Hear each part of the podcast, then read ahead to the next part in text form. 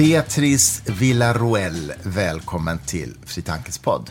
Tack så mycket. Var det hyfsat korrekt uttalat? Tycker Det var hyfsat korrekt uttalat. Det- Alldeles godkänt. Det får duga. Det är bra. Det är bra.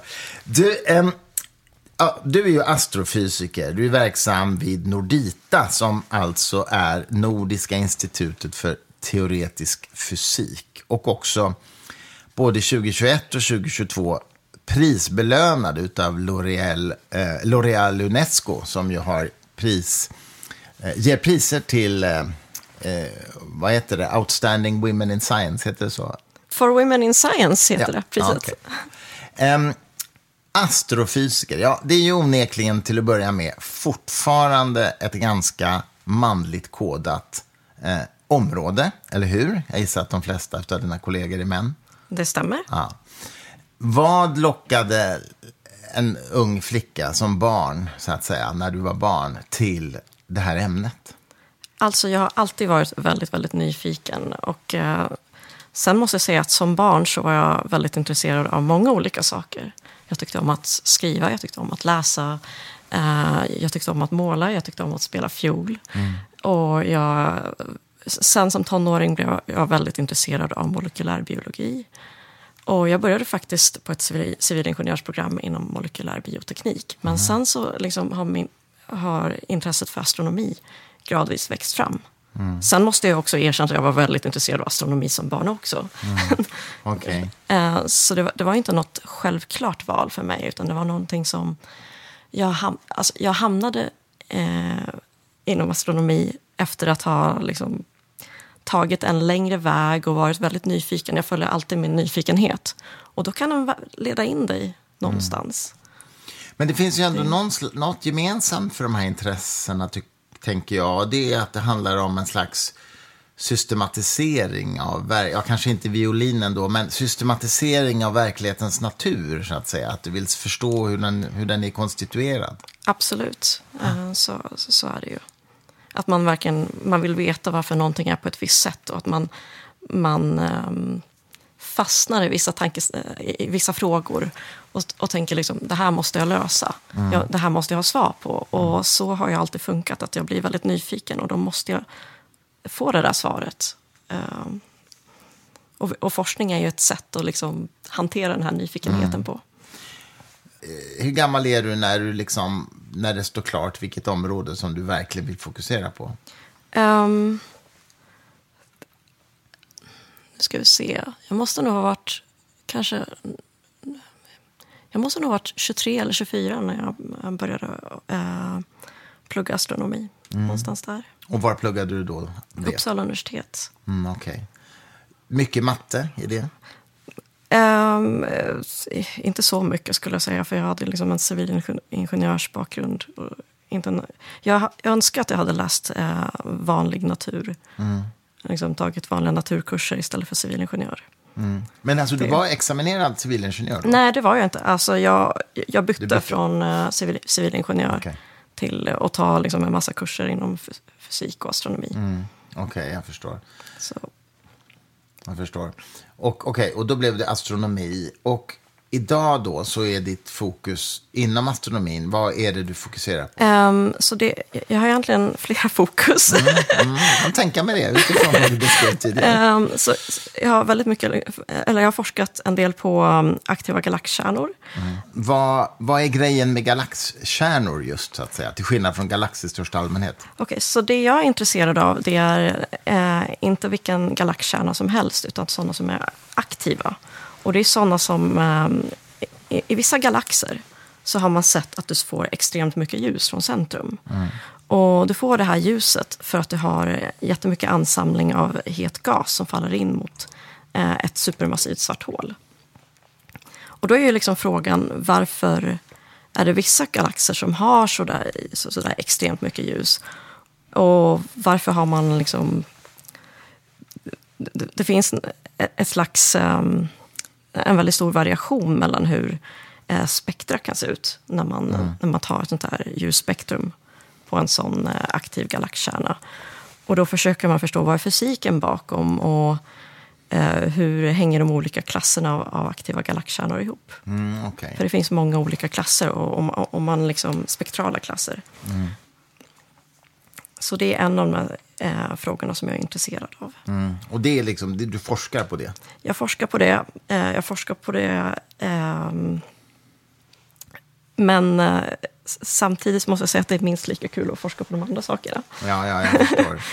Men hur, så jag förstår, hur forskar man på galaxkärnor så att säga? För man kan ju åka dit. Eh, vi, vi kan använda oss av stora databaser. Där man har till exempel eh, eh, kartlagt himlen och kartlagt en massa galaxer. Man har tagit spektrum från eh, många individuella galaxer. Och så kan man eh, göra statistik på dem, till exempel. Eller så kan man studera ett spektrum väldigt noggrant och försöka liksom, eh, jämföra med någon slags modeller eller några teoretiska modeller för, för att eh, få en aning om vad det är som händer i just, eller just där. Sen så vet man ju också att när du har en aktiv galaxkärna så brukar du ha väldigt specifika sp- eh, spektrala signaturer som dyker upp i de här spektrum. Okej. Hur är det med vår egen galaxkärna? Vet vi, vad vet vi om den? Eh, den är nog hyfsat eh, tråkig. Alltså, Eh, vad synd. det är nog bra för oss. Om den skulle ha så mycket ljus eh, från centrum så skulle du nog inte vilja bo här. Ja, okej. Ja, okej. Men någon gång i tiden så var, var Vintergat, Vintergatans eh, kärna väl, liksom aktiv. Någon gång i tiden för några, kanske två miljarder år sedan eller något åt det hållet. Men du, du forskar också på möjligheten till intelligent liv i universum, eller hur? Precis. Ehm, hur forskar man på det då? Nå, det, är en, det är en lite friare forskning, skulle jag säga. För att det är ingen som vet hur man ska leta efter utomjordiskt liv egentligen. Eller vi vet hur vi kan leta efter vanligt utomjordiskt liv, men vi, vi vet inte hur man kan leta efter eh, signaler från intelligenta utomjordingar. Ja, men när du säger vanligt utomjordiskt liv, så Alltså primitivt. Ja. Inte vanligt, primitivt. ungefär samma sort som vi då dessutom, fast primitivt alltså. Att det är liksom... Vi kanske också räknas som primitivt liv. Ja, precis. Men det är fortfarande konstituerat av de beståndsdelar som våra levande celler är för att, för att vi ska kunna känna igen så att säga, det, det, tänker jag. Men man kan ju tänka sig liv som har uppkommit på helt andra sätt. Precis. Ehm, så det är ehm, en av de frågor som jag är intresserad av.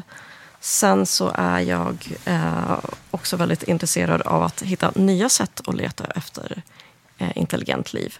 För om vi kollar tillbaka på de senaste 60 åren så har nästan alla eh, bara intresserat sig för radiosignaler. Och det är för att det är lätt. För att det är ett sätt som liksom, vi människor kan producera radiosignaler och därmed så utgår vi från att andra kan skicka radiosignaler till oss. Och då har man gjort det och man har undersökt först kanske några hundra stjärnor, sen tusentals och nu, nu är man uppe i 300 000. Och man ser inte någonting. Det, det är ju dött i radio, vi ser ingenting. Nej. Och ehm, en av möjligheterna är ju såklart att det inte finns någon som emitterar i radio. Det kanske inte ens finns något liv. En annan möjlighet är att det bara är att, att vi har snävat in oss på en eh, metod. Och att genom att man har snävat in sig på den här metoden så kanske man missar en massa annat. Ja. Och signaler som man borde ha intresserat sig för. Men när du säger 300 000 stjärnor, Det finns en artikel från Garrett on Siemion som kom ut förra året. Och då har man eh, i princip, medan man har, har undersökt vissa stjärnor, eller några tusen stjärnor specifikt, har man även eh, kunnat se eh, fler stjärnor i samma område. Och hade det liksom någon av de här andra stjärnorna i området kring dem, ja, i, i området liksom emitterat i radio, så hade man sett någonting och det har man inte. nej. Så effektivt så är det 300 000 stjärnor som man redan har undersökt. Och hur många exoplaneter har vi koll på idag? Alltså planeter Alltså- utanför Alltså man har ju hittat kanske 6 000 exoplaneter. Eh, sen så vet du ju att det borde finnas 40 miljarder jordliknande planeter bara i Vintergatan. Och när du har det där antalet, då vet du ju att det på något sätt det är osannolikt om, eh, om det är bara vi här. Ja, det har jag alltid också tänkt, att det är högst osannolikt. Men det är ju inte säkert vi upptäcker det livet. Jag tror att vi kommer göra det. Du tror det? Absolut. Eh, Det handlar nog bara om tålamod och att man inte ska liksom fastna för mycket i stigma. För att det, det finns ett slags stigma associerat med CT-forskning. Folk anser inte att det är särskilt seriöst. Mm. Eh, sen så tänker man liksom, men 60 år av radiosignaler har inte gett någonting, så varför ska vi liksom finansiera eh, ett projekt som letar efter just eh, utomjordisk intelligens? Jag förstår. Men tror du att jorden har fått besök då?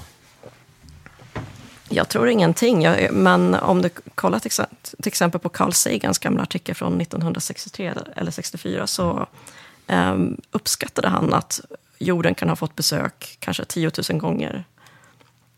Men uh, frågan är, skulle vi ha något sätt att liksom känna igen det på? Mm. Jag vet inte.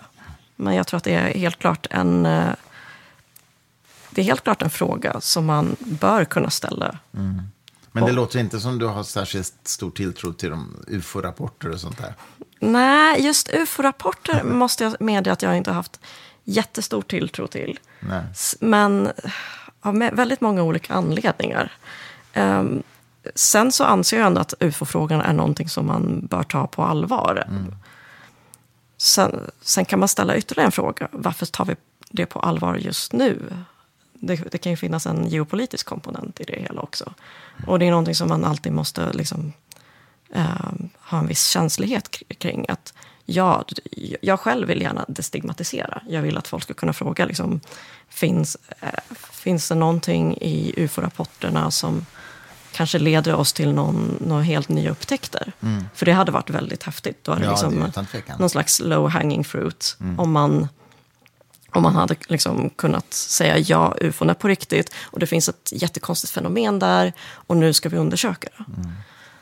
Men um, för mig räcker inte Pentagons ufo-rapport. Problemet det, tror jag också är att många som inte har jättebra koll på det här, när de läser i tidningen att um, Eh, att nu har amerikanska militären skjutit ner ett ufo, då tror de att det är ett flygande tefat de har skjutit ner. Men de menar ju bara en ännu oidentifierat objekt. Absolut. Som kan vara en kinesisk väderballong, eller vad det nu kan vara för något. Eller en vanlig ballong. eller en vanlig ballong, ja exakt. Så att det är ju lite grann att själva det där begreppet ufo, det, det, betyder, det är inte så spännande som det låter. Det betyder bara att man ännu inte har identifierat vad det var. Liksom. Sen, eh, en sak som jag alltid funderar på är ju varför, man har, eller varför det här blev så intressant 2021. Mm. Men ja, okej, okay, vad är ditt svar på det då? För det var väl, det var väl då amerikanerna liksom offentliggjorde vissa rapporter?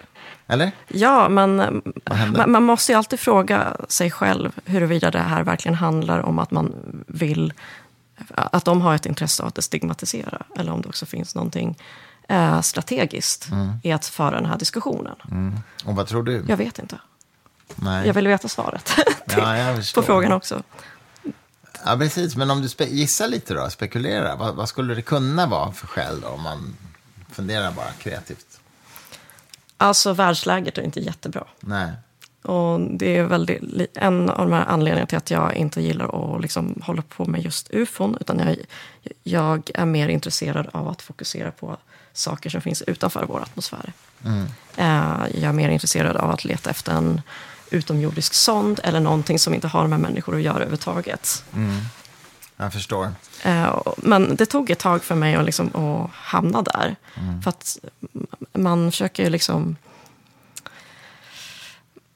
Man försöker hitta svaren och man är ju intresserad. Och kommer Pentagon med liksom sådana rapporter som de gjorde 2021 så blir man intresserad som forskare. Det är väldigt svårt att inte vara nyfiken. Mm. Och jag tror att många med mig vill nog ha reda på huruvida det finns någonting där mm. som kan vara av intresse. Men man vill inte hamna fel och man vill inte utnyttjas. Nej, så är det, det. Läste du um, den här boken Extraterrestrial, heter den väl, utav Avi Loeb? Nej, det gjorde jag inte. Nej. Han, han har ju hypotesen om att den här meteoriten skulle kunna vara ett rymdskepp. Vet du vad jag talar eh, om? Oumuamua. Vad heter den? Oumuamua-asteroiden. Just det, just det. Att det, att, han, att det skulle kunna vara någonting. Han, han menar på att den rörde sig mm. på ett sånt sätt som inte en asteroid gör normalt. Vad säger du om det? Um, det finns nog väldigt många sätt att förklara Oumuamua utan att man behöver um, utan att man behöver ett rymdskepp. Okej. Det, det, det pågår ju väldigt mycket forskning och det finns ju fler sådana objekt som är väldigt, ehm, hur ska jag säga, Oumuamua-liknande. Okej. I att de rör sig på samma sätt och de har någon slags... ehm, eh, den kemiska kompositionen verkar inte vara helt annorlunda. Samtidigt så har vi ju någon slags bias. Vi utgår ju, alltså, som forskare så är vi ju liksom vi är tränade till att alltid hitta eh, den mest naturliga förklaringen. Eller den förklaringen som ligger närmast till hands. Eller den som, Den mest sannolika kanske. inte ens mest sannolika, utan den som är eh, den som, skulle, den som skulle accepteras lättast av forskarsamfundet. Om, eller av andra kollegor. Okej, jag Och förstår. Jag tror att det finns ett slags, eh, ett slags bias som vi har med eh, en förutfattad mening också, när, när, som, som vi alltid eh, jobbar kring. Och jag vet inte om det kan göra så att man kanske missar intressanta objekt.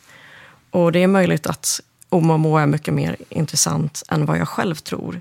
Bara för att man har övat in det här sättet att tänka hela tiden. Ja, jag förstår. Upplever du generellt att det finns en sån, vad man nästan skulle kunna kalla inskränkthet i forskningen? Att det är lite för, för lite öppna sinnen? Ehm, jag tycker inte att det är så bland... eh, nej, jag, jag tycker att forskare är mycket mer uh, öppensinnade än eh, vad många påstår. Ehm, sen så tror jag att det finns... Alltså, må, många är nog väldigt intresserade av alternativa hypoteser. Ehm, sen så är det nog många som inte skulle skriva under på en alternativ hypotes. Det är skillnad på om man diskuterar någonting och funderar kring det eller om man själv ska liksom gå ut och presentera ett arbete och säga Nej, men det, jag tror det här. Att Jag det tror här. här. Mm.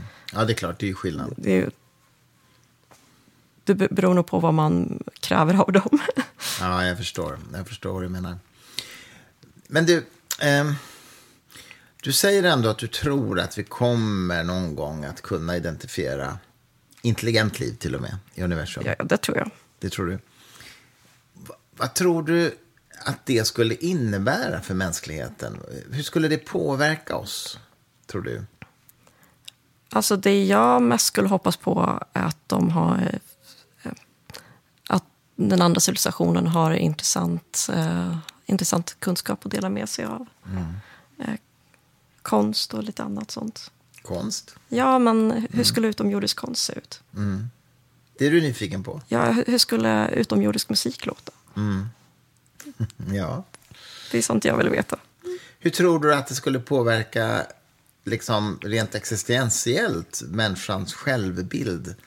Vi har ju ett, ett antal religiösa föreställningar runt om på jorden som ju sätter människan i centrum väldigt mycket. Som, som utvald och sådär. Vad händer med den självbilden tror du? Alltså, jag tror inte att det bara handlar om religiösa ehm, b- bilder, utan jag tror att människor till sin natur är egocentriska. Och det är säkert lika många ateister som skulle vara upprörda över att... ehm, nej, de kanske inte skulle vara upprörda, men om du skulle hitta liv eh, någon annanstans så, så är det nog väldigt många som skulle liksom känna sig att, de, att, de var, att, att, att deras existens är så obetydlig i det stora sammanhanget. Och det har nog inte så mycket med religion att göra, skulle jag säga. Nej. Det är nog bara ego, människans liksom inneboende narcissism. Mm. Ja, jag förstår vad du menar. Samtidigt, jag bara tänker på, om jag går till mig själv så skulle jag, som inte är religiös heller, skulle, bli, skulle tycka det var otroligt fascinerande om vi upptäckte intelligent liv. Samtidigt som jag naturligtvis skulle bli lite rädd också, därför att vi vet ju inte hur de är sinnade, så att säga, mot oss. Fast det beror väl på hur man upptäcker dem. Det är en sak om man upptäcker dem när de är, alltså utan att de vet om att man har upptäckt dem. Ja, och en annan sak om de är på väg hit med en flotta. Ja, ja, det har du ju verkligen rätt. Så, Visst, om man upptäcker dem bara så att säga utan att de vet om det, ja då är det ju bara oerhört intressant.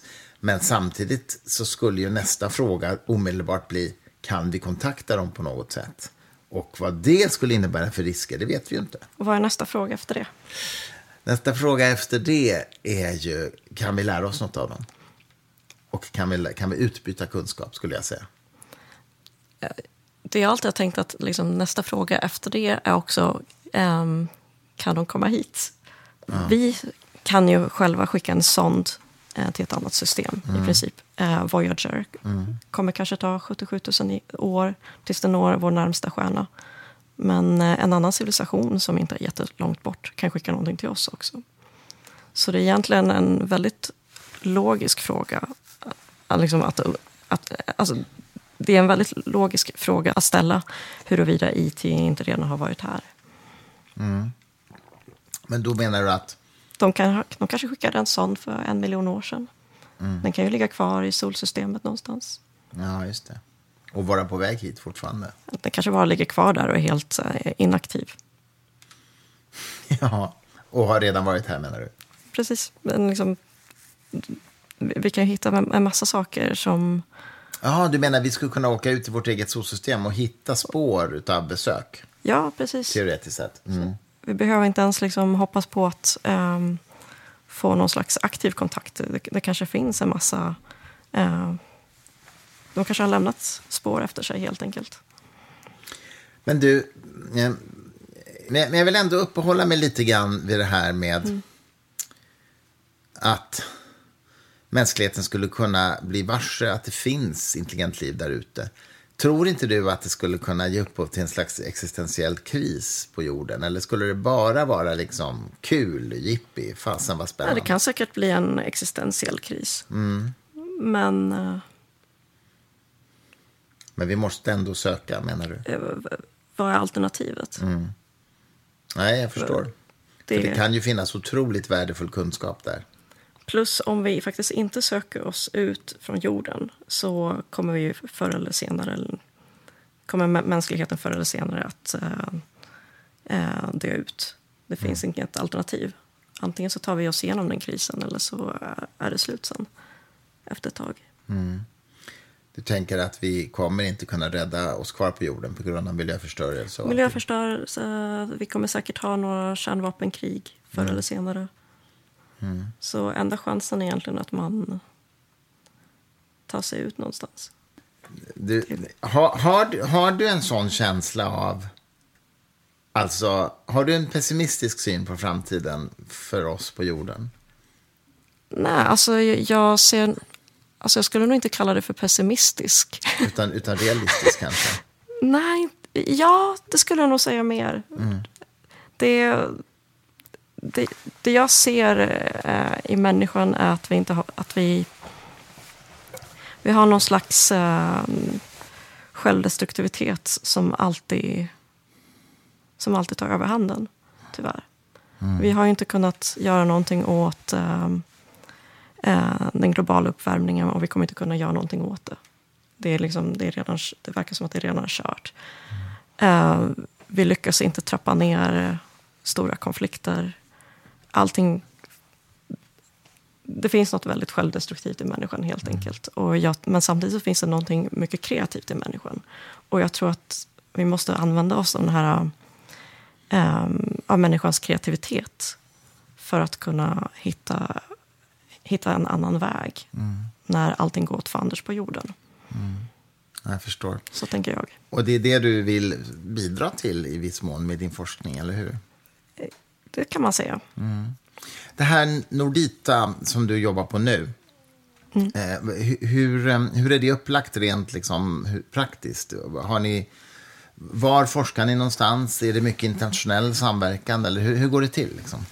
Eh, så, så Nordita är ju, eh, tillhör ju då både Stockholms universitet och KTH. Och eh, vi har två egna våningar. Och eh, där finns det jättemånga olika forskargrupper som håller på med olika saker. Eh, jag är ensam med att forska på det jag gör. Men jag jobbar väldigt mycket internationellt och har många kollegor. Okej, så, så du, har inga, du har alltså inga egentliga kollegor där i, i Stockholm? Jo, jo, det har jag. Men eh, jag har kollegor i Stockholm också. Men eh, jag jobbar nog mest med folk utomlands. En avslutande fråga till dig då. När tror du att... Alltså, naturligt, det här vet ju, kan du inte veta, fattar jag också. Men liksom, när tror du ungefär att vi kommer att få upptäcka intelligent liv i universum? Kommer det ske under vår livstid? Inom fem år. Inom fem år? För två år sedan så sa jag inom två år och det har inte skett. Så nu säger jag inom fem år. Det är ju ganska snart. Jag skulle, gissa, jag skulle gissa på att vi har alla, all instrumentation, alla metoder vi behöver för att kunna göra det. Det enda man behöver är att eh, forskare får tid och pengar för att kunna göra den typen av forskning. Om det är du som gör den upptäckten, då är det nog ett Nobelpris, tror du inte det? Nej, det tror jag faktiskt inte. Nej, kanske inte. finns inte riktigt något Ja, men, men, men tänk, det. om jag, tänk om vi skulle hitta till exempel att ja, ufon är på riktigt. Det är aliens som har skickat sina rymdskepp. Då är det miljontals människor innan som har påstått eh, att, att de ja, har det tagit en sant. bild av, av ufon innan. Dessutom är det ju inte ett vetenskaplig eh, insats riktigt, utan det är bara att man upptäcker eh, någonting som man inte trodde fanns i och för sig, så det har du rätt i. Är det inte en vetenskaplig insats att hitta penicillinet? Jo, jo, förvisso. Det är också en upptäckt, det håller jag med om. Men det här, ja, okej. UFO-rapporter har man ju hört så himla länge och det har ju hittills in, det Nej, det- verkar ha varit bluff. Jag, vet inte om det har varit en bluff. Jag tror, jag tror att det kan finnas mycket i det som gör att det är värt att studera. Men jag tror ändå inte att det skulle leda till ett Nobelpris faktiskt. Nej, nej. Men inom fem år tror du att det händer? Det tror jag nog. Det vore ju onekligen extremt roligt. Låt oss hoppas. Vi kan göra en podd igen om fem år när du får berätta om den första upptäckten. Men, men jag, jag tror att det hänger lite på om, om ni lyckas övertala många miljardärer att finansiera just CT-forskning. Och det gör de inte just nu. Det gör de inte. Okej, vi får jobba på det. eh, Beatrice Villaruel, stort tack för att du var med i Fri Tankes podd. Tack för att jag fick vara med.